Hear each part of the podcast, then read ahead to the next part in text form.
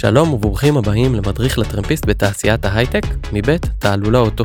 הפודקאסט הופק עבורכם על ידי כלל עמותות בוגרי השירות הצבאי, ומטרתו לסייע לכם בהשתלבות נכונה בתעשייה. אני יותם גרוס. ואני אביחי חיימפור, ויחד נחשף למקצועות השונים בתעשיית ההייטק, ונשמע מהטובים ביותר איך עושים את זה נכון. אז בואו נתחיל. אז אהלן כולם, אהלן יותם. אביחי, מה שלומך אח שלי? בסדר גמור. אה, אז נעים מאוד, אה, יוני.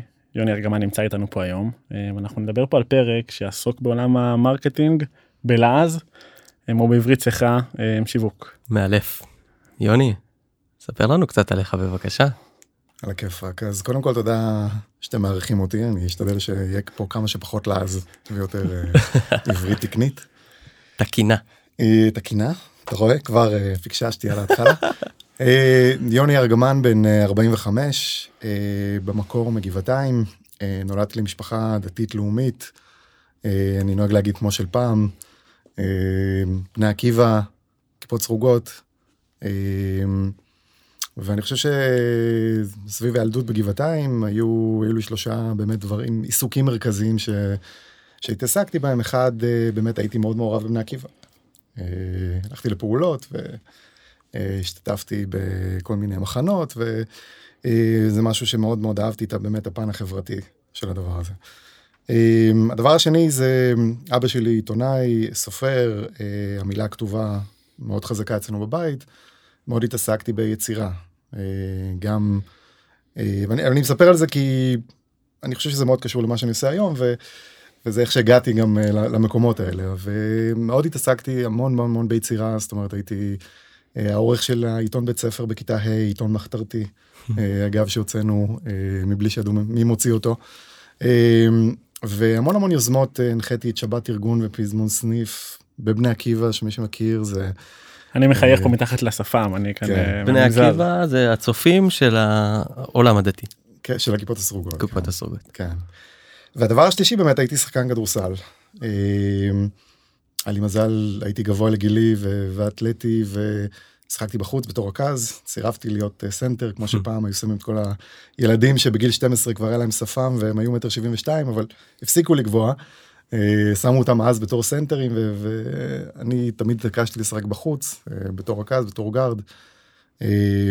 וזה משהו שבאמת לאורך כל שנות ה...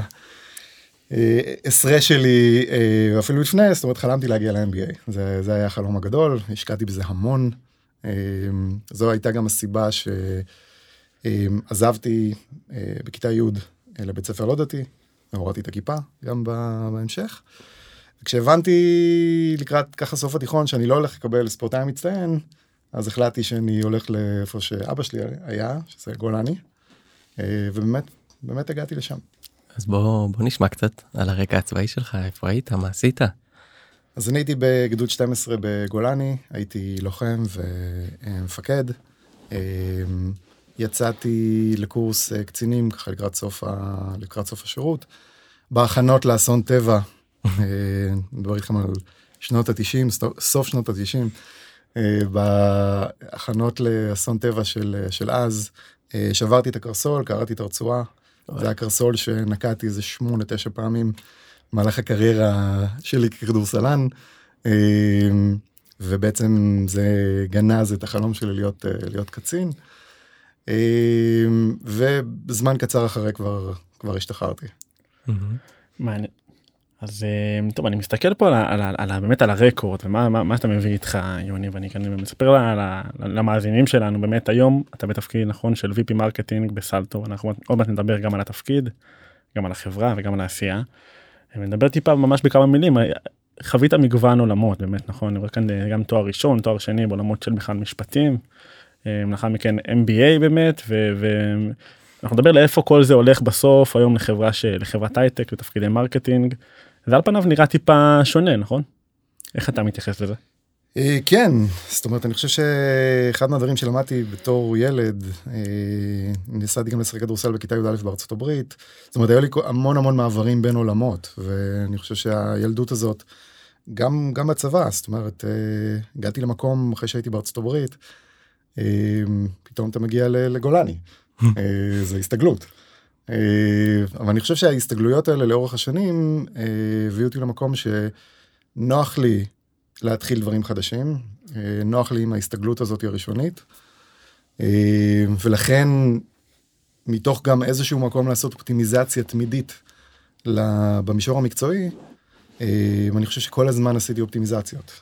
וכשהשתחררתי, לא יודע אם אתם רוצים שאני אלך לשם, אבל... בטח. אמ, כשהשתחררתי אז היה מאוד חשוב לי ללכת ללמוד מהר. Okay. אוקיי. רציתי להגיד מקודם שמה-NBA הגעת ל-MBA שזה קצת דומה אבל קצת שונה. מאוד מאוד שונה אבל אה, כן אז אה, כשהשתחררתי היה לי מאוד מאוד חשוב להתחיל ללמוד. אני לא יודע למה. ולא הייתי סגור כל כך על מה אני רוצה ללמוד. אמ, בגלל שמאוד נהניתי לכתוב, וחשבתי שאני טוב בזה, אמ, אז הלכתי לאזורים של המשפטים. ואני זוכר איך אה, חיכיתי למבחנים של מועד א' בשנה הראשונה, וכל החברים שלי שלחו תמונות, העלו תמונות בפייסבוק מהקרנבל בריו, ושאלתי את עצמי מה, מה לעזאזל עשיתי. אה, עד היום אני מודה שאני טיפה מצטער, זאת אומרת, אם יש איזה טיפ ראשוני שאני יכול לתת פה, זה שקחו את הזמן. זאת אומרת, אה, השירות הצבאי הוא, הוא שירות קשוח. כן. ואתם צריכים לתת לעצמכם את הזמן הזה קצת to explore, קצת uh, לנוח, קצת uh, לראות עולם. Uh, זה פותח את המחשבה, ואני חושב שזה יקרב אתכם עוד צעד לכיוון של להבין מי אתם, מה אתם רוצים לעשות. לא אומר שתגיעו לשם, אני בן 45 ועדיין לא הגעתי שם, אבל זה איזשהו מסע של אופטימיזציה תמידית. אה, ואני חושב שהחוויה הזאת של להיות בחו"ל אחרי הצבא, היא מאוד מאוד אה, עוזרת לקרב אותך למקומות האלה. אה, אז זה משהו שאני ממליץ. נשמע לי שטיפ ראשון מאחורינו. לגמרי. טוב אז, אז בוא, בוא נדבר על תחילת הדרך באמת דיברנו פה על חוויית השחרור. ממש שמעת כאן סיפור של רצון להיכנס פה לאיזה לעולם אקדמאי מאוד מהר מסיבות כאלה ואחרות בוא, בוא נדבר מה קורה אה, מסיים את התואר אתה מסתכל על עולם התעסוקה קדימה על, על פיתוח קריירה ו- ואיך זה נראה מה קורה כי תן גם את הפלואו וגם מה, מה עובר עליך באותה תקופה. בטח אז אני יצא לי בעצם לעשות שני תארים אחד אחרי השני במשפטים אה, מאוד מאוד נהניתי מהתארים. מצאתי את עצמי כשהתחלתי את ההתמחות והתמחיתי במשרד גדול. איכשהו, אני אפילו לא זוכר היום אה, אה, איך, אה, אולי בגלל האנגלית הטובה שלי, הגעתי לאזורים של ההייטק. והייתי מתמחה במחלקת הייטק במשרד מאוד גדול, והרגשתי לאורך ההתמחות, אבל גם אחר כך כשנשארתי בתור עורך דין באותו משרד, עורך דין צעיר, שזה לא בשבילי. כלומר, הרגשתי שנהניתי מאוד מהלימודים, הרגשתי שהלימודים ספציפית במשפטים, ספציפית למה שעשיתי בהייטק, לא כל כך היו קשורים אחד לשני. והרגשתי שאני לא יכול לנצל את היצירתיות שלי, אמ, והרגשתי שלא מעניין לי, שאני overworked, mm-hmm. שאני לא באמת משלמים לי כמו שצריך. והחלטתי, אחרי גם שפגשתי המון המון אנשי הייטק שהיו לקוחות שלנו, אמ, תמיד חלמתי בעצם להיות בצד השני של השולחן. בצד פגשתי מנכ"לים, סמנכ"לים של הייטק, בצד שבאמת מקבל את ההחלטות, ולא רק זה שמנסח אותן. ו... וזה יצר אצלי איזשהו drive, שוב, לעשות אופטימיזציה אה, לתחום הזה של הייטק. עדיין לא ידעתי בדיוק מה אני רוצה לעשות בהייטק. בזמנו, אני מדבר על אה, ישראל של 2007, 2008, אלה מקומות שאם אתה אומר שאתה בהייטק אז אתה בהכרח engineer, מפתח, אה, אולי איש מוצר. אה, כי חברות ישראליות אה, בזמנו, כל מה שהוא לא פיתוח ואולי קצת מוצר, שכרו בארצות הברית, שזה בעצם היה השוק הגדול וזה נכון. עשה שכל מבחינתם. היה מאוד קשה גם למצוא פה כנראה בזמנו אנשי שיווק, אנשי מכירות, אנשי ביזנס דבלופמנט. ברמות הגבוהות, ברמות עולמיות, מה שלא המצב היום. לא. וכך היה קצת קשה לדמיין אה, איך אתה עושה בעצם את הקפיצה הזאת מה, מהעולם שאתה בו, אתה עורך דין של חברות הייטק לעולם שאתה בתוך ההייטק, אבל אתה לא engineer. נכון. אמ, ואז החלטתי שאני מגשים איזשהו חלום ישן אה, שהיה לי עוד שלמדתי בתיכון בניו ג'רזי, תמיד היה לי חלום לגור בתור אה, מבוגר בניו יורק, בעיר הגדולה. ועשיתי את הג'ימאט, אה, הגשתי לכמה בתי ספר, כשהתקבלתי ל-NYU, אמ, זה היה no brainer מבחינתי. וכשהגעתי ל-NYU, שם גם בעצם הגעתי לניו יורק של 2009, אה, שרק התחיל בעצם, התחילה להתפתח שם סצנת ההייטק. שאנחנו מכירים היום, וזה ממש, היה התחלה אה, של הסצנה הזאת, ובחוויית ה-MBA שלי שם הייתי, הייתי מאוד מעורב, אה, ניסיתי מאוד מאוד להתחבר לסצנה שם, הצלחתי, אה, ובוא נגיד, השאר היסטוריה. אותי מעניין לשמוע יוני מהצד שלך מה היה התפקיד הראשון שלך בתעשייה מהרגע ש... איך לומר חצית את הקווים מעורכי הדין לעולם הביצוע בהייטק מה היה התפקיד הראשון שהגעת אליו והנקודות בדרך. אז אה, בשנה הראשונה של MBA בארצות הברית כולם מאוד מאוד לחוצים, במיוחד אה, ישראלים שמגיעים ואין להם אזרחות, אה, אין להם איזשהו רקע וסטורי הרבה פעמים בחברות אה, אה, גדולות, כזה שמעסיקים אמריקאים יכולים להבין כשהם מחליטים לשכור אותם. ולכן יש המון המון לחץ אצל כל הסטודנטים הישראלים בשנה הראשונה, הרבה חבר'ה הולכים ומנסים להתקבל בזמנו לפחות אה, לגולדמן סאקס, NYU זה בית ספר אה, מאוד חזק ב finance, וכמובן הקרבה לוול סטריט, והמרצים שהרבה מהם מגיעים מוול סטריט, מאוד מכוונים אותך לכיוון של finance. אה, אני גם הסתכלתי על גולדמן סאקס, הבנתי שכנראה אני לא, לא רוצה לעשות finance, גולדמן סאקס למי שפחות מכיר. זה בעצם בנק השקעות אה, אמריקאי מאוד מאוד גדול. אה, אולי הכי גדול ומצליח, לפחות, לפחות אז. ו, אה, ואז הסתכלתי בעצם, התחלתי להסתכל בעצם על חברות ייעוץ, על אה, מקינזי ו-BCG. אה, ואז במהלך עברתי כמה שלבים, אה, שלבי מיונים. כשאתה עובר אה, שלבים עם חברות כאלה, אז אתה עושה קייסים, אתה מתכונן לקייסים שיש בה רעיונות. מהמם. ובמהלך השלבים, זאת אומרת יש כמה וכמה שלבים, אמזון הגיעו ל-NYU כדי לגייס. ואני מגיל מאוד מאוד מאוד צעיר הייתי פן מאוד גדול של אמזון, זה התחיל אה, בהזמנת ספרים לארץ אה, ואחר כך כמובן לאזורים אחרים.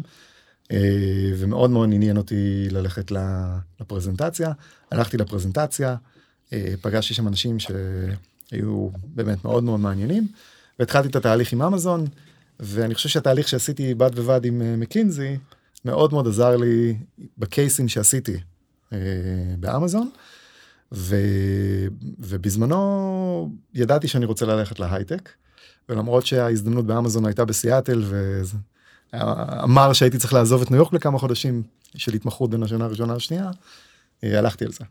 והתקבלתי בעצם להיות product manager באמזון. מהמם.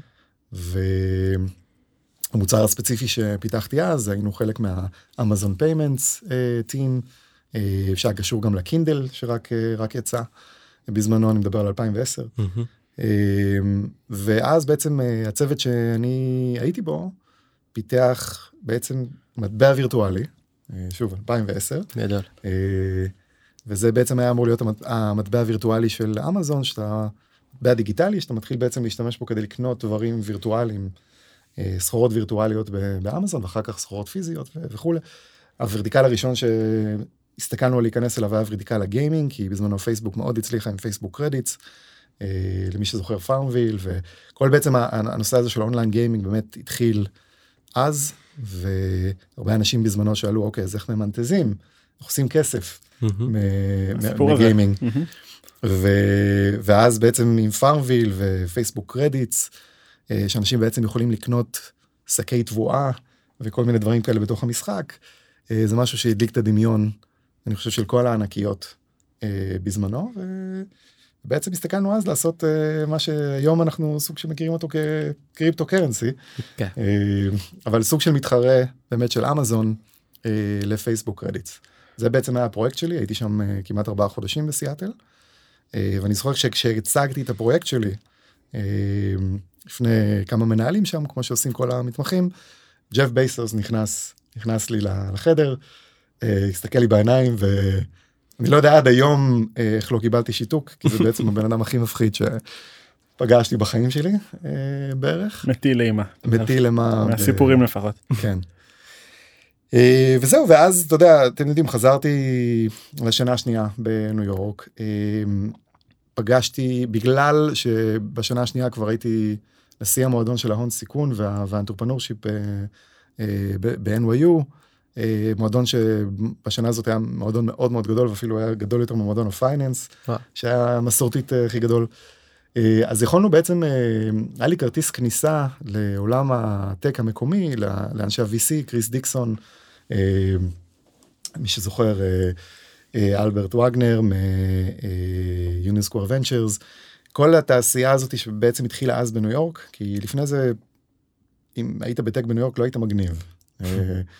אבל כל, כל הטק היה בסיליקון וואלי ולאט לאט לאט בשנים האלה באמת התחיל הטק שם ובאמת דרך המועדון הזה הייתה לי גישה להמון אנשים וסביב זה התחלתי התמחות ב-VC, VC קטן אה, ניו יורק, אה, NYC סיד, אה, שניהל אותו בחור בשם אורן ווילסון, וסביב זה נחשפתי להמון המון עולמות, ביניהם העולם הזה של מובייל אטק. ואז כשהתחלנו להתראיין למקומות, אני רציתי להישאר בניו יורק, יצא לי להתראיין ליאו. יאו בזמנו זה ימים pre מריסה מאייר, אה, למי שזוכר. יאו של 2010-2011, אה, אחת מחברות ה tech הגדולות בארצות הברית. אה, והתראיינתי שם לתפקיד של product marketing. ושאז בזמנו זה היה תפקיד שלא לא כל כך הבינו מה זה product marketing אני יכול להסביר בהמשך. לכם בסיסי מאוד מעניין שיחה בפני עצמה. כן ואני חושב פשוט היה לי מזל. היה לי מזל. אה, כי בארצות הברית לבוא עם brand ברזומה שלך שאף אחד לא מכיר ולהיכנס לחברה כמו יאו שבזמנו הייתה כמו כמו גוגל. כן. ופייסבוק של היום מטא. אה, זה לא זה לא קל אני היה לי מזל שמי שראיין אותי ה-hiring manager היה בחור שסיים MBA במישיגן מאוד העריך MBAs. אמ, מאוד העריך את העובדה שהייתי באמזון, לפחות היה לי את הדבר הזה. את הטייטל. את הטייטל, מאוד העריך את העובדה שהייתי עורך דין, וספציפית דיברתי גם הרבה על אה, הניסיון שלי ב mobile ad tech, שזה האזור ביאו שככה נכנסתי אליו יותר. ad tech אה, באופן כללי וספציפית גם mobile. אמ, וזהו, זאת אומרת התחלתי באמת לעבוד בתור, אה, התקבלתי והתחלתי לעבוד בתור פרודקט מרקטינג מנג'ר ביאו. אז אני, אני עכשיו מסתכל, אני רוצה, היה כאן, היה כאן, יש כאן track record אה, מאוד מעניין כל אורך הדרך, אנחנו רואים כאן גם עולם של באמת משפטנות, עורך דין, וגם עולם באמת היה כאן מחשבה ללכת לכיוון של פירמות ייעוץ. אה, היה כאן תפקידי product, product marketing, היה כאן VC בדרך. אה, ואנחנו מתמקדים היום בפרק על marketing. עכשיו אנחנו שנייה נצלול פנימה ספציפית לחברה, ל Salto. נשמח מה Salto עושה, ואז נצלול לאחר מכן באמת גם על, על התפקיד. איך, איך זה מתחבר באמת לרקע ולסיפור איפה שסיימנו את יאו עכשיו. אה, על הכיפאק. ה Salto זה בעצם חברה שהוקמה לפני כארבע שנים אה, על ידי שלושה חבר'ה שמאוד מאוד מנוסים שהקימו ומכרו כבר כמה חברות. אה, הרעיון בעצם היה משהו שהם נתקלו בו שזה תמיד הרעיון הכי טוב איזשהו pain שהיה להם בחברות הקודמות שלהם. שבעצם היום כשמנהלים חברה שמנהלים את כל ה business של החברה משתמשים בכל מיני פלטפורמות אה, כל מיני תוכנות Salesforce ל sales HubSpot ו Marketo ל marketing יש תוכנות ל-HR ל finance וכולי. התוכנות האלה כשחברות אה, מתחילות לגדול נהיה מאוד מאוד מאוד מסובך לנהל אותם לנהל אותם לקנפג אותם זאת אומרת לעדכן אותם mm-hmm. בהתאם למה שהחברה רוצה לעשות. בעצם צריך לקחת את כל הפלואו הביזנסי של חברה וליישם אותו בתוך המערכות העסקיות, שהרבה מהם היום גם מתחברות אחת לשנייה. וככל שחברות גדולות, גדלות, התהליך הזה נהיה יותר ויותר ויותר קשה. Mm-hmm. המשמעות של חוסר היכולת לנהל את המערכות האלה ביעילות היא, היא מאוד מאוד מאוד אה, קשוחה.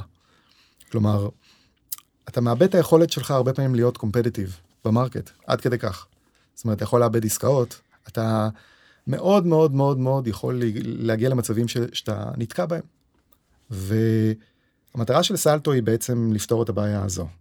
זאת אומרת, סלטו יודעת להתחבר לאותן מערכות עסקיות, ויודעת לאפשר לך, מי שמנהל את המערכות העסקיות האלה, לנהל אותם בצורה הרבה יותר טובה, הרבה יותר מהירה, אה, נקייה מטעויות. רחבה. אה, רחבה, הוליסטית.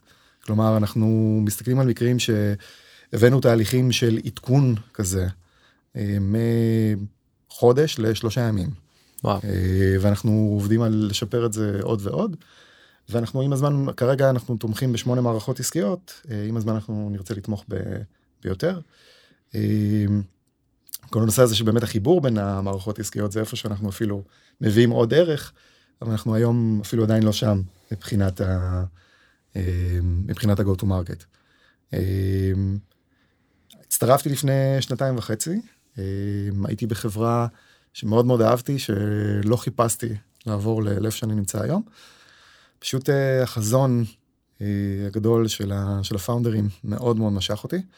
אה, משך אותי גם להתחיל אה, מההתחלה, משהו שעשיתי לפני שמונה וחצי שנים כשרק חזרתי לארץ, אה, לבנות משהו מאפס, ובאמת אנחנו בונים, וזה כיף, וזה סופר מעניין.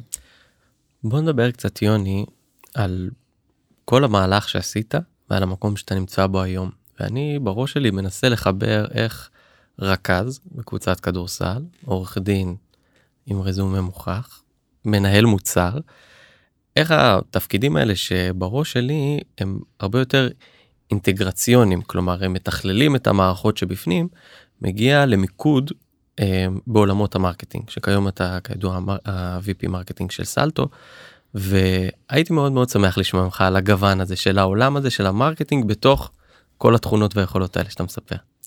על הכיפאק, אז... אה...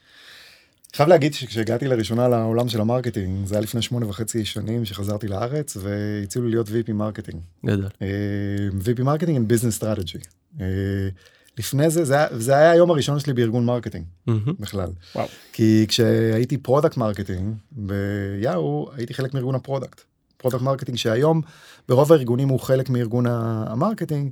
אה, ספציפית אז ביאו היה חלק מארגון ה product. Mm-hmm. אז אה, ממש הגעתי לעולם של ה marketing אה, יחסית במקרה. הסיבה שהגעתי לעולם הזה כי בגלל הרקע שלי ב product marketing, כלומר מי ששכר אותי אז לפני שמונה וחצי שנים, אה, זיו אלול, עופר יהודאי. איזו חברה זו הייתה? חברת Inneractive שלימים נרכשה על ידי חברת Fyber, שלימים נרכשה על ידי חברת Digital Turbine, mm-hmm. שנסחרת בנסדק היום. בעצם אה, הם מאוד מאוד אהבו את הרקע של ה product marketing אה, שלי. כשמסתכלים היום על CMOs בעולמות שלנו, VP marketing, CMOs. CMO, Chief Marketing Officer. Chief Marketing Officer. אנחנו נעשה פה עוד מילון אה, שלם, זה בנפרד, נספח. אפשר להוציא את זה. הבטחתי שלא יהיה הרבה לעז. לא, לא, זה לא דווקא, זה חיכוך שהוא נהדר בעיניי, בסוף. לגמרי. אנשים צריכים להתחכך כדי כדי ללמוד, אין דרך למידה. אנחנו נכון. נצטרך להמציא פה איזה אלטרנטיבה. לגמרי. לגמרי. אז תראו היום עולמות ה marketing או העולם של ה marketing הוא מאוד מאוד מאוד אה, גדול. כלומר marketing בהייטק הוא אפילו הרבה יותר גדול ממה שהוא היה לפני חמש שנים. והוא מכיל המון המון המון תת התמחויות. וכשאתם מסתכלים על ה-Background של CMOs, שוב Chief Marketing Officers ו-VP Marketing, מנהיגים uh, בעולמות של המרקטינג, יש Backgroundים שונים. יש אנשים שהגיעו, במיוחד פה בארץ, הרבה אנשים שהגיעו מהתחום של gen. lead generation, אה, עולמות של PPC, pay per click, אה, עולמות של אה, קמפיינים, עולמות של ACO, SEO, mm-hmm. search engine optimization. יש אנשים אחרים שהגיעו יותר מהתחום של content ו branding ו-PR, ויש אנשים שהגיעו מהתחום של ה product marketing. ספציפית לפני שמונה וחצי שנים, החבר'ה ששכרו אותי חיפשו מישהו שהגיע דווקא מ product marketing, מישהו עם ה background הזה.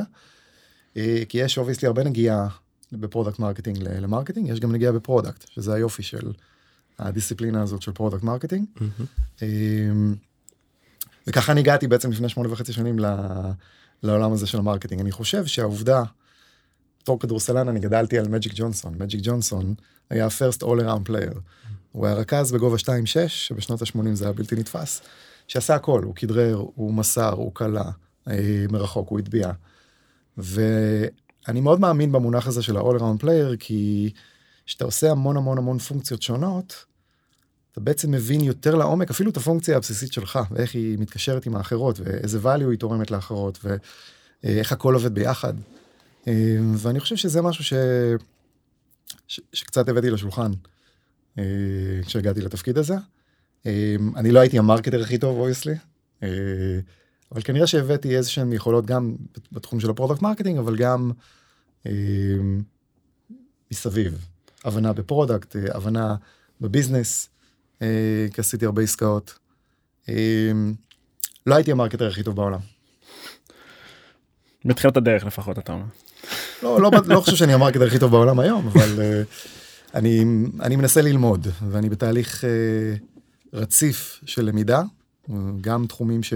אתה לא יכול להיות, בטח בעולם של ה marketing היום, מנהיג של marketing ולהיות טוב בכל התחומים של ה marketing, יש פשוט יותר מדי. כן. ואנחנו יכולים להיכנס אליהם והכל, אבל אתה צריך כנראה להיות מאוד טוב בתחום אחד או שניים, ולהבין מספיק טוב את, ה, את התחומים האחרים ואיך הכל עובד ביחד. אני, אני סבתא שלי לימדה אותי שכשמזמינים אותך תיכנס. אז בוא ניכנס לזה. בוא ניכנס לזה. בוא... מה זה marketing בסוף זה, זה הפרק זאת השאלה לשם זה התכנסנו היום נכון כן. ואנחנו אומרים את זה הרבה ועוד וזה מפה ויש marketing כזה וכזה אבל מה זה marketing מה זה marketing יוני יפה. אני חושב שבסוף marketing אה, זה היכולת לספר סיפור לאנשים מסוימים בצורה מסוימת. והסיפור הזה כמובן צריך להוביל ל business, ו... אבל בסוף כשאני מסתכל על כל מה שעושים היום ב marketing, ב marketing המודרני, אפילו צוותים של 100 איש של, של marketing, חברות גדולות, אפשר להכניס את זה לשתי קופסאות. קופסה אחת זה באמת הקופסה של הסיפור, והקופסה השנייה זה הקופסה של הצ'אנלים, אה, של ה distribution, של איך מפיצים את הסיפור הזה. כל מה שעושים ב marketing, cross הדיסציפלינות השונות, אפשר להכניס לשני ה... לשתי הקופסאות האלה, וככה אני חושב, אה, וככה אני עובד. ואני חושב שהיום, עם זה, עם זאת, ארגון ה marketing המודרני, יש בו המון המון אנשים עם סט יכולות מאוד, אה, מאוד שונות. אה, יש בו מצד אחד באמת את האנשים היצירתיים, שיודעים לספר את הסיפור. יודעים לעטוף אותו, יודעים to package it, אם זה בצורה של וידאו, ואם זה בצורה אה, ויזואלית יותר של e-book אה, או, או guide, אה, או blog post, אם זה בצורה של פודקאסט אפילו. ויש את האנשים שבעצם יודעים למדוד ולעשות אופטימיזציה. וה marketing מודרני היום הוא מאוד מאוד מאוד סביב מדידות ואופטימיזציות. אם עד לפני אפילו עשר שנים, זה היה המון מה שנקרא spray and pray, כלומר אתה זורק כל מיני כספים לכל מיני קמפיינים ובכל מיני ערוצי מדיה שונים ואתה לא בדיוק יודע מה עובד אבל משהו כנראה עובד וחלק לא עובד אבל אתה לא באמת יודע מה עובד. היום זה לא המצב היום אתה יודע בדיוק אה, איזה ערוצים עובדים איזה תת ערוצים בתוכם עובדים איזה סיפור עובד איזה סיפור לא עובד. והתהליך הזה של ה-refinement התמידי, האופטימיזציה התמידית, זה משהו שאנחנו מתעסקים בו המון. יש פה הרבה אה, סיפור של, של, של מדידה, של תחקור, של להבין מה שנקרא, מה שאני, על בסיס דאטה, מה עובד, מה לא עובד. נכון. נכון. הרבה מעבר, מה שנקרא, נקרא לזה לשיווק המסורתי, למה שאנשים חושבים, של איך אתה צובע את הסיפור שלך בצורה שהיא נעימה, קולחת, אטרקטיבית. יש כאן סיפור באמת של, של, של דאטה. של... זה, דאטה זה חלק מהסיפור, כן. אה, חלק אחר של הסיפור זה בעצם לדעת לייצר את ה... user journey mm-hmm. עם, עם המותג הזה שנקרא סלטו. Mm-hmm. כלומר אנחנו היום אנחנו יכולים לראות בדאטה ש user בסוף ביקש דמו מעמוד מסוים באתר. זה לא אומר בהכרח שהעמוד הזה זה התוכן שהיה בעמוד הזה זה מה שהשפיע עליו לבקש את הדמו. כלומר אנחנו מתעסקים היום עם, עם מקום ש, של מולטי טאץ'. כלומר mm-hmm. אתה צריך לגעת בפרוספקט פוטנציאלי הרבה מאוד פעמים בכל מיני צורות כדי שהוא ירגיש בשל מספיק להיות במקום של לבקש ממך דמו או to sign up להירשם למוצר שלך אם, אם יש לך מוצר שאתה- שהוא יוכל להירשם עליו בחינם. שזה בעצם הצלחה מרקטיאלית מישהו ביקש דמו מישהו ביקש מוצר. בסוף ההצלחה המרקטיאלית אפשר למדוד אותה בהרבה בהרבה דרכים. אה, אני אוהב למדוד אותה במה שנקרא pipeline. כן. כלומר איזה pipeline ייצרנו לאנשי המכירות שלנו. וככל שנייצר יותר את ה pipeline הזה של מה שנקרא inbound, כך לאנשי המכירות שלנו יהיה יותר קל. נכון. כלומר מישהו שבא כבר אליך, אתה צריך כמובן לוודא שהוא הלקוח הנכון מבחינתך, ו... אבל מישהו שכבר בא אליך וביקש לראות את המוצר או נרשם למוצר ומתחיל לשחק עם המוצר, זה מישהו שמבחינת הבשלות שלו להיות לקוח נמצא במקום מאוד מתקדם. עכשיו יש את מה שנקרא הפאנל וזה אני, אני פחות אוהב את, ה, מהמם. את המונחים האלה ובגדול ה funnel מה שהוא אומר זה שבעצם תחשבו על funnel בעצם בתור משפך הפוך שזורקים אליו כדורי פינג פונג. בשלב הראשון של ה funnel אתה יכול להכניס הרבה כדורי פינג פונג. בשלב השני פחות ואז בסוף מה שיוצא זה הזיקוק. זה הזיקוק זה אלה שבסוף עברו את כל התהליך כל שלב ב funnel הזה הוא, הוא איזשהו מותאם. בשלות אה, וגם התאמה של, אה, של אותו prospect ל- לקהל היעד שאתה שאתה מטרגט אני, אני פחות אוהב את המונח הזה של ה funnel אני יותר נוטה לחשוב על דברים בצורה של flywheels מהמם. כלומר אני מחפש לייצר אה, כמה שיותר touch points עם, אה, עם לקוחות. כשאני מתכנן את המסע של הלקוח אני כבר חושב על ה touch point הבא שלו, של הלקוח. זאת אומרת, אני, אתה אומר, אני לא, לא תופס את זה כאיזשהו מפגש חד פעמי, אה, נתפס ואז הוא עובר כאן איזושהי שרשרת, אלא הרבה הרבה נקודות מגע, מספר נקודות מגע, שבסוף יש כאן איזה סיפור שזה פוגע. נכון כי יש איזה מספר שתמיד אה, marketers משתמשים בו אני לא יודע עד כמה אני באמת אה, מאמין בו שרק 2% מהאנשים שאתה פוגש במ- במסע הזה שנוגעים ב brand שלך אה, הם מה שנקרא in market. כלומר הם האנשים שסוג הלקוחות שאתה מחפש שיש להם את התקציב ויש להם את הפיין ועכשיו הם מוכנים לקנות את המוצר שלך. כלומר כשאתה נוגע בבן אדם בנקודת זמן רנדומלית הוא לא בהכרח מוכן ובשל לקנות את המוצר שלך. אבל אם אתה בונה איתו ריליישנשיפ, ואם במהלך הריליישנשיפ, שזה הרבה touch points שונים, אתה מצליח לגרום לו לתפוס אותך בצורה מסוימת, קודם כל לדעת מי אתה. שתיים, להבין מה אתה עושה. שלוש, להבין איך אתה עוזר לו לפתור את הבעיה שלו, ואיך אתה מול האלטרנטיבות, מול מהמם. המתחרים. אה, וזה בעצם המס- המסע שאנחנו שאנחנו עושים עם, ה, עם הלקוחות וכשאתה אתה עושה את המסע הזה טוב אז אותו בן אדם שאם לפני חצי שנה שהוא נתקל בך בפעם הראשונה לא היה מוכן לזה אז בהנחה שעשית עבודה טובה עוד חצי שנה כשהוא יהיה מוכן הוא יבוא אליך. אני, אני רק אשאל, לפני שאנחנו נדבר כאילו על הייחודיות של התפקיד, אני חוזר בכוונה לתקופה הזאת של, יוני חוזר לארץ, בסדר, אחרי התקופה שם בארצות הברית. אתה אומר תפקיד ראשון אה, בעולם ה marketing, אתה אומר תפקיד גם שהוא בסוף תפקיד של הובלה. אתה לא נכנס, זה לא משרה, אתה לא נכנס למשרה שהיא ככה אה, בתחילת השרשרת, אתה נכנס למשרה של להוביל את התחום הזה אה, בארגון שבו אתה לוקח חלק. איך הייתה התקופה הזאת? אתה בסוף מתחיל ללמוד, אולי לא מאפס, כי כן התעסקת בזה לפני כן, אבל אבל שאתה אונר על התחום הזה שבסוף פעם ראשונה שזה כל עיסוקך. איך נראית התקופה הזאת? תקופה קשוחה. תקופה מאוד מאוד קשוחה אני חושב ש... ואני אומר את זה אני לא מאמין שעשיתי לעצמי את זה שוב לפני שנתיים וחצי אבל אה, התקופה הזאת של לבנות from scratch היא תקופה מאוד מאוד קשוחה. לבנות from scratch כלומר לקחת ולהתחיל הכל מאפס. מאפס אה, בלי אנשים אה, בלי שיש משהו שאפילו קשור לדיסציפלינה. בזה, אז באמת לבנות את ה building blocks הראשונים של משהו מאוד גדול. ואני חושב ופה פה גם אני אדבר קצת על הצבא ואני חושב שלהיות בסטארט-אפ זה לא לכל אחד. אה, אני חושב שהיום החברה שלנו היא יותר אפילו הייתי קורא לה growth company ופחות סטארט-אפ אבל אה, גם להיות ב growth company אפילו אולי, אפילו יותר. אה, זה לא לכל אחד זה מאוד מאוד קשוח בטח בתפקידי הנהגה ותפקידים שיש לך גולס שהם מאוד מאוד טייט בטח בתקופות כאלה. זה לא פשוט וזה לא לכל אחד. כלומר אה, אני מסתכל על התקופות שלי לפעמים כשעבדתי בקורפט אמריקה זה קצת עולם אחר ואני חושב שהתקופה בצבא מאוד מאוד עזרה לי לא רק להכין אותי לסיטואציות האלה, תקופה בקרבי. אה, אלא גם לדעת שאני מסוגל לעמוד בהן ואפילו לרצות אותן.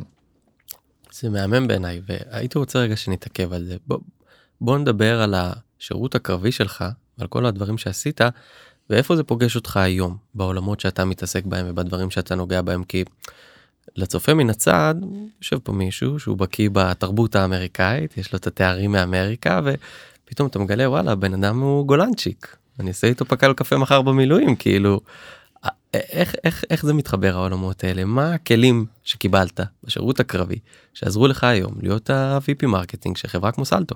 אני מת על זה אני חושב שככל שבן אדם נמצא בעולמות שונים בסוף האלכימיה של כל מיני דברים שהוא לקח מכל עולם מה שהוא יכול ליצור וזה זה משהו חדש לגמרי. ולא אומר את זה בהכרח על עצמי אבל אני חושב שזה באמת עולמות שהם מאוד מאוד מאוד שונים אפילו בקצה. ו... אני חושב שהתקופה שלי בתור, אה, אה, בתור קרבי נתנה לי המון המון ביטחון אה, בעצמי. קודם כל, זה נותן לך, נותן לך תחושה ופרספקטיבה של וואלה, עשיתי דברים מאוד מאוד קשים, נכון. מאוד מאוד קשים, ויכולתי להם. זאת אומרת, התגברתי על הקשיים. לקום בחמש בבוקר ולהתחיל לרוץ, ש... לצאת מהאוהל שבחוץ הטמפרטורה אפסית. זה קשה, ואתה עושה את זה כל בוקר, ולעשות קו, ולהיות בסיטואציות אה, של קו, ולהיות אפילו בסכנת חיים. זאת אומרת, זה משהו שנותן לך פרספקטיבה שבן אדם שלא עשה את זה, אין לו אותה. ואני לא יודע כמה שנים אחרי השירות הפרספקטיבה הזאת נשארת, אולי קצת במילואים והכל, וזה איזושהי פרספקטיבה שהיא בשיאה בשנים הראשונות אחרי הצבא, מין תחושת מסוגלות, תחושת כל יכול, ששווה למנף אותה אה, למה, למה שקוראים לו מונשוטס. כך, אם בא לך לעשות משהו מטורף, משהו קשה, וזה תעשה אותו. כי אני חושב שבשנים האלה, עדיין יש לך את האמונה ביכולות שלך. אמונה ביכולות שלך זה משהו שהוא סופר חשוב. אה, בכל דבר בחיים אני חושב שהוא ספציפית בהייטק, וספציפית בחברות אה, בשלבים האלה. בתחילת הדרך. כי חברות בשל... בשלבים האלה, זה פשוט מאוד קשה. אתה כל היום כל יום במלחמה, וכל דבר הוא קשה, ואתה חייב את ה resilience הזה כדי, כדי להתמודד עם, ה, עם הדבר הזה. אני יכול לדבר על דברים אחרים גם שאם אתה רוצה שאני אמשיך בקו הזה או... נשמע לי מהמם. כן, אני רוצה להסתכל שנייה. כשאנחנו מסתכלים על עולם ה marketing תפקידי שיווק בסוף אנחנו אומרים בן אדם שאומר הולך לעולם הזה יש לו כנראה מספר מניעים או רצונות בין אם זה בן אדם עם אוריינטציה ל... לא יודע למילה כתובה או לדברים שהם יותר ויזואליים או לעולמות שהם בממשקים עם אנשים. ואני אומר שנייה, רוצה להבין מה בן אדם כזה מקבל, אה, הוא רוכש מתפקידים בעולם תוכן הזה, ואני שם שנייה בצד את הטווח אה, שכר או את, ה, את, ה, את המניות שהוא מקבל מהחברה. מה הדברים, מה הערכים, מה היכולות אה, שאיש marketing מקבל מעצם התפקיד או מעצם העיסוק. אני חושב ששוב אני, אני חוזר ל marketing המודרני כי זה, כי זה באמת עולם אחר מה, מהעולם שהיינו בו לפני 5-6-7 שנים. אמ, של ה marketing. אני חושב שהיום אמ, איש marketing בחברות שבוא נגיד הוא רואה יותר מהרק מדלת אמותיו. זה מונח אה, של דתיים אה, רק מהסביבה הקרובה והמיידית שלו שזה בדרך כלל בחברות מאוד מאוד גדולות שמישהו מתעסק רק במשהו עם scope מאוד אה, עם גבולות גזרה מאוד ברורים. אם אתה חלק מצוות marketing שהוא לא כזה, אם זה בגלל הגודל שלו, אם זה בגלל התרבות. אה, היום יש המון המון המון אלמנטים שונים בתוך, בתוך marketing. זאת אומרת, יש גם את המקומות המאוד יצירתיים, יש גם את המקומות המאוד טכניים, יש גם את המקומות המאוד אנליטיים, אה, דאטה, אה, ואתה פשוט חווה את כל, ה, את כל הדברים האלה, ואפרופו all around player, אני חושב שזה משהו שנותן לך רקע מאוד מאוד חזק. עכשיו מעבר לזה אני חושב שהיכולת לספר סיפור אה, היא יכולת מפתח לא רק ב marketing, אני חושב שהיא יכולת מפתח בכל תפקיד אחר בחברה. היכולת לתקשר משהו, אם זה בשיחה, אם זה בפרזנטציה, אם זה דרך המילה הכתובה. אם זה ליטיגציה במשפט. נכון, למרות שעשיתי חוזים ופחות ליטיגציה, אבל אה, כן, היכולת הזאת היא יכולת מפתח אה, בעיניי. אה, אתה יכול להיות בן אדם מאוד מאוד חכם, אתה יכול להיות בן אדם שעושה דברים מדהימים, אם אתה לא יודע לתקשר את זה, ואם אתה לא יודע לעבוד עם בן אדם אחר, דרך התקשורת הזאת בצורה, בצורה יעילה, אה, אני, אני חושב שיש פה פספוס מאוד גדול. וראיתי אנשים במהלך הקריירה שלי שהם אה, באמת אנשים הרבה הרבה יותר חכמים ממני, אה, עם יכולות, גם יכולות טכניות מאוד, מאוד חזקות, שלא הצליחו כי פשוט לא הייתה להם את היכולת לתקשר ולספר סיפור. וזה בין היכולת שאנשי marketing מאוד מפתחים. בעצם אני שומע בכל התהליך שאתה מדבר עליו, התהליך המרקטיאלי, יש פה איזשהו ריטואל שאליו הוא חוזר, שזה בעצם רגע להבין מי ומה, ואז ללמוד ולהבין איך לספר את זה החוצה, ואז לבצע ממש את הסיפור החוצה, אם זה בקמפיינים כן. וכולי, ואחר מכן לעשות אנליזה, להפיק את המסקנות ובעצם לחזור לסיפור הזה מההתחלה, כי יש פה איזשהו קשר בין ה marketing לעיצוב בעצם של המסר של החברה ולמי החברה וזה איזשהו תהליך כזה שהוא משפיע אה, על עצמו תוך כדי הגדילה שלו. וזה, וזה משהו שאותי הוא מאוד מאוד מעניין ב, ב, בפן האישי. ואני מאוד שמח שאתה נוגע בזה כי זה הופך את זה לצורה הרבה יותר ברורה. כלומר.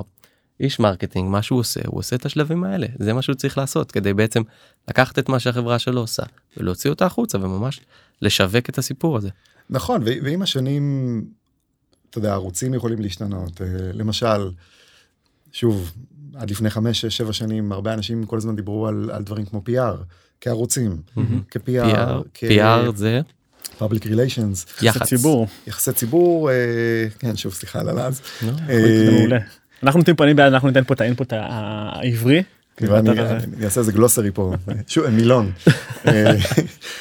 אה, יש זאת אומרת היינו מסתכלים המון על איבנטס ללכת ל- לעשות ספונסר שיפס לקונפרנסס מאוד גדולים שיהיה לך בוט נחמד אה, ללכת אה, להיות בטק ראנץ' ו... והיום לצורך העניין לא אומר שאנחנו לא עושים את הדברים האלה או לא עושים דברים כמו paid SEM search engine marketing עושים עדיין את הדברים האלה אבל היום יש ערוצים חדשים והרבה יותר מעניינים ו- ו- ומשתלמים כמו למשל לעבוד עם אינפלואנסרס. כן, זאת אומרת, אנחנו מכירים את זה המון מהעולמות אולי של ה-B2C. B2C, השיווק ללקוח הקצה. consumer, כן, customer או consumer, לעומת B2B, business to business, אבל גם ב-B2B יש המון המון influencers, כלומר, שאני מסתכל על הקהל היום של סיילספורס, שזה קהל שאנחנו פונים, האנשים שמנהלים ומקנפגים את סיילספורס בחברה, אה, אתה רואה שיש שם אקו סיסטם שלם עם, עם המון המון המון influencers ואנשים שיש להם following ענק אה, ויש להם communities יש להם קהילות. כל השיח היום קורה בקהיל, בקהילות האלה נכון. בסלק וזה זאת אומרת זה ערוצים שעד לפני כמה שנים לא לא כל כך הכרנו. נכון. אה, אז זה משתנה נכון עם השנים אבל בסוף בסוף בסוף שתי קופסאות קופסה של הסיפור הקופסה של ערוצי הפצה. הפישוט הזה לתבניות הוא מאוד מאוד חשוב כי עושה שכל כי. בסוף דברים אתה יודע מטבע הדברים אוהבים להסתבך ואנחנו חושב שכלוחמים או עם כ record כזה שנתבע איפשהו באופי יש כאן סיפור של לפשט את הדברים כי להפוך את זה למשבצות ואיתם לנוע קדימה ואני ואפרופו לוחמים ואפרופו לפשט ואפרופו תבניות. אני רוצה לקחת מהשיחה הזאת לתובנות פרקטיות שהמאזין הממוצע אותו לוחם שעכשיו יושב ושומע ומקשיב לשיחה הזאת. יכול להגיד אוקיי אני א' איך אני איך אני מבין אם אני מתאים או רוצה להיות איש marketing. אמ, זה אחד. וב' מה הדרך או מה הרקורד שאני צריך אה, לצבור או מה היכולות כדי להגיע ואני שואל כדי להגיע לתפקיד כזה ואני שואל באופן הכי פרקטי. הצורה שאני חשבתי על זה כל השנים זה אני מחלק את זה בעצם לספייס ולפונקשן. כלומר לתחום אה, תעשייה ולפונקציה. Mm-hmm. תחום תעשייה יכול להיות פינטק uh, אה, יכול להיות אה, תעשיית תעשייה פיננסית. פיננסית. יכול להיות תעשיית הרכב. יכול להיות uh, תעשייה של uh, uh, קמעונאות. uh, יכול להיות uh, תחום של סייבר uh, לצורך העניין. כלומר קודם כל תבין איזה תחום מאוד מעניין אותך. עכשיו הרבה אנשים אני חושב בארץ לא מספיק שמים דגש על הדבר הזה הם פשוט רק רוצים להיכנס ולהייטק וזה. אני חושב שהיום בניגוד למה שהיה נגיד לפני 15 שנים או היום יש מקום למחשבה ולשיקול על, ה, על, ה, על הפונקציה. על סליחה, על הספייס, תכף נגיע לפונקציה. הסיבה לזה היא כי אני חושב שאתה, בן אדם יכול להיות מצוין רק אם יש לו תשוקה אמיתית לתחום. כלומר, אם אתה תבלה המון המון המון המון המון שעות ביום בתחום הזה, זה רק בגלל שיש לך תשוקה אמיתית. ואם אתה תיכנס לעומק, לעומק, לעומק של הדברים, זה רק בגלל שיש לך תשוקה אמיתית וזה דבר שהוא מאוד מאוד מעניין אותך. אם אתה לא תעשה את הדברים האלה, לא, אתה לא יכול לרמות את עצמך, אתה אף פעם לא תהיה מצוין, אתה תהיה טוב. אם יש לך יכולות אחרות או... אז זה דבר אחד, זה דבר ראשון. אני רוצה להוסיף בעיקר בעולם המרקטיאלי שכל המהות שלו היא לספר סיפור ושאתה רוצה לספר סיפור טוב אתה צריך להיות מחובר אליו ואם אתה מספר סיפור על תעשיית הפיננסים שהיא לא מעניינת אותך בכלל. זה פשוט עובר אין מה לעשות נכון אתה גם צריך לאהוב את המוצר ולהאמין במוצר של החברה כן. שלך ואתה גם צריך לאהוב את האנשים מסביבך mm-hmm. זה גם זה לא פחות חשוב אבל אני אומר אם אני אה, צריך לסכם שוב אז יש את הנושא הזה של התחום.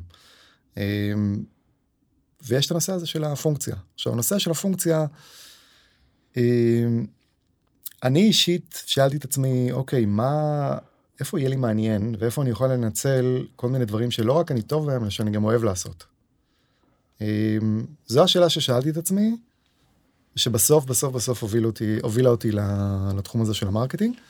אמ, שוב, אני מגיע מהתחומים יותר של product marketing, כלומר, אם הייתי צריך להתעסק נגיד רק ב conferences או, או בדברים כמו PR, זה פחות היה מעניין אותי. כלומר, אותי עניין הנושא הזה של אה, לספר את הסיפור, לעשות את ה positioning, את המיצוב.